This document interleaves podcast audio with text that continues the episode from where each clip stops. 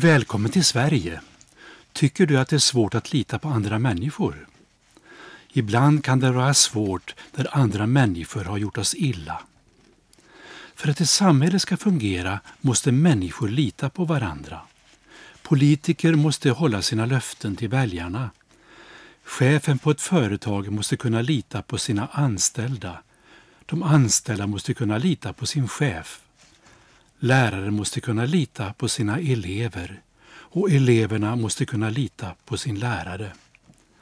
Människorna måste kunna lita på myndigheterna och myndigheterna måste kunna lita på människorna. Förtroendet för varandra är nödvändigt för att relationer i familj och samhälle ska kunna fungera. Ända sedan syndafallet måste människor lära sig att lita på varandra.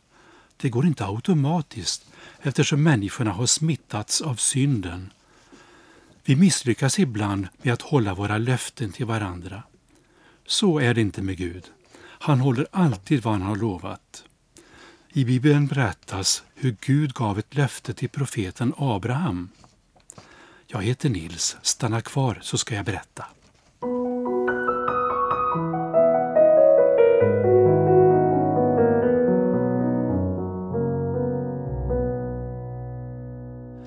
Genom syndafallet kom döden in i världen. Den drabbar alla människor. Gud vill rädda oss tillbaka till det verkliga livet.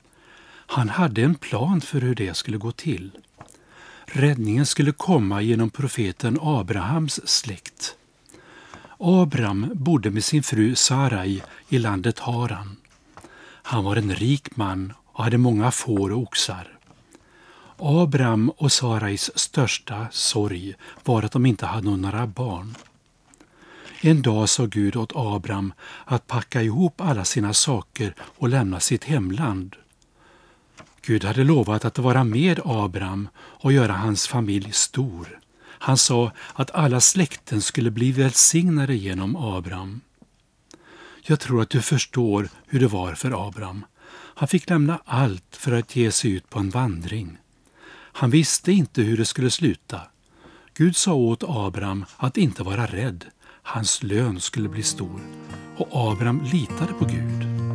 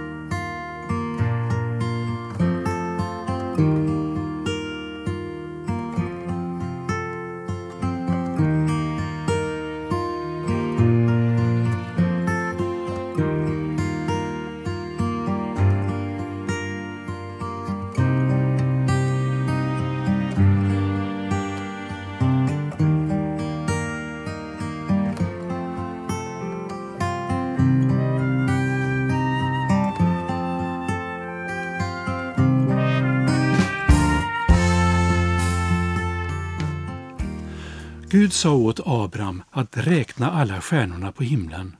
Omöjligt att räkna. Det var för många. Så stor skulle nämligen Abrahams släkt bli. Men Abraham trodde på Gud. Åren gick utan att Abraham och Sarai fick några barn.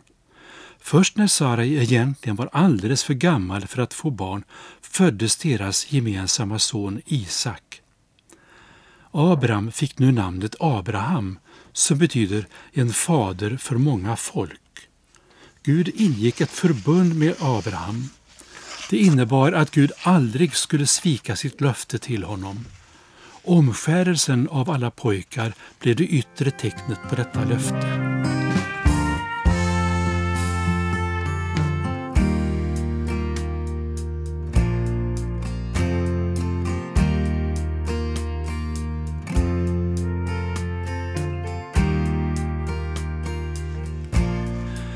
Gud sa åt Abraham att ta med sin son och gå till berget i Morialand. Han skulle offra sin son som ett brännoffer. Ur ett mänskligt perspektiv var detta något fruktansvärt. Barn är det käraste en förälder har. Som förälder gör man allt för att skydda sitt barn. Dessutom var ju Isak den son som skulle föra släkten vidare. Gud gjorde detta för att pröva Abrahams tro. Men även då visste Abraham att han kunde lita på Gud. Därför rastade han veden på åsnan och vandrade iväg till berget. Han gick tillsammans med sin son och två av sina tjänare. När de såg platsen på avstånd sa Abraham till sina tjänare Stanna här med åsnan. Jag och pojken går dit för att tillbe och sen kommer vi tillbaka till er. Hörde du vad han sa? Han sa sedan kommer vi tillbaka till er. I den absolut svåraste stunden i livet fortsatte Abraham att lita på Gud.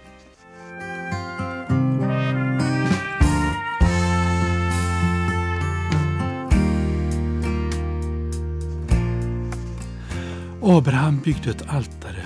Han la veden ovanpå. Jag gråter när jag tänker på hur det måste ha känts för Abraham när sonen låg på altaret. Plötsligt ändras allt. En ängel ropade från himlen. Abraham, Abraham, lyft inte din hand mot pojken och gör honom ingenting. Nu vet jag att du fruktar Gud då du inte ens har undanhållit mig, din enda son. Abraham upptäckte en bagge som hade fastnat med horden i en buske. Han offrade baggen istället för sin son. En ängel från himlen ropade av glädje. Jag ska rikligen välsigna dig, göra dina efterkommande talrika som stjärnorna på himlen och som, sand, som sanden på havets strand. I din avkomma ska alla jordens folk bli välsignade, därför att du lyssnade på min röst. Och Guds löfte gick också i uppfyllelse till slut, även om Abraham själv aldrig fick uppleva det under sin livstid.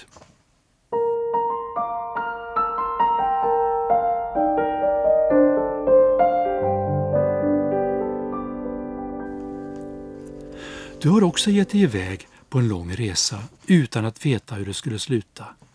Det var inte lätt att veta var du skulle hamna eller hur det skulle gå. Berättelsen om Abraham är till för att vi ska veta att vi kan lita på Gud. Hans löften gäller oavsett vilka svårigheter man kommer att gå igenom i livet. Det spelar ingen roll vilket land du kommer ifrån.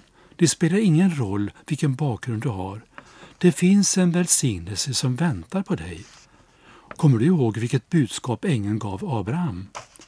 I din avkomma ska alla jordens folk bli välsignade därför att du lyssnade på min röst. Berättelsen om hur Gud prövade Abrahams tro rymmer en stor hemlighet.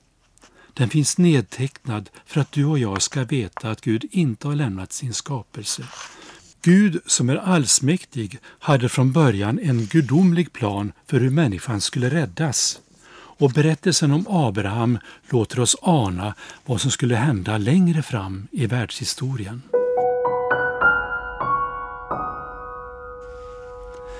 Ditt liv kan vara mycket svårt just nu. Det går kanske inte att planera för framtiden. Bibeln innehåller mer än 3500 löften från Gud till dig. Jag vill dela ett av dess, alla dessa löften. Så här står det.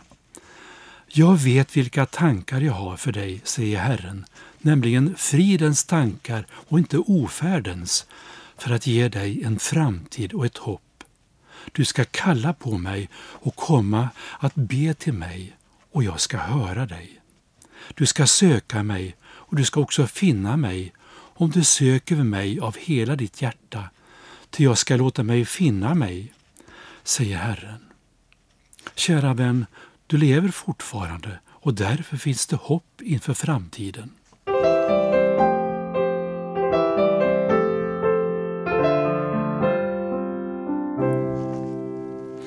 Vad är det som gör berättelsen om Abraham så intressant i världshistorien? Jag vill rekommendera dig att ta med dig berättelsen om Abraham när du lyssnar på de andra avsnitten. Då kommer du så småningom att få svar på frågan.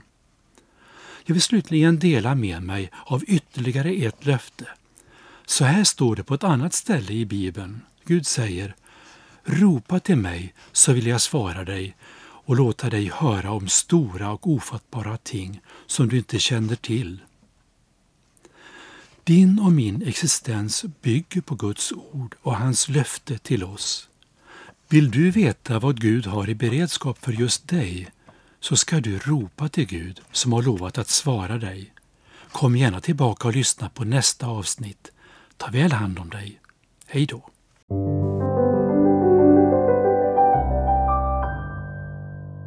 Programmet är producerat av Norea Sverige. E-post v ts.noreasverige.se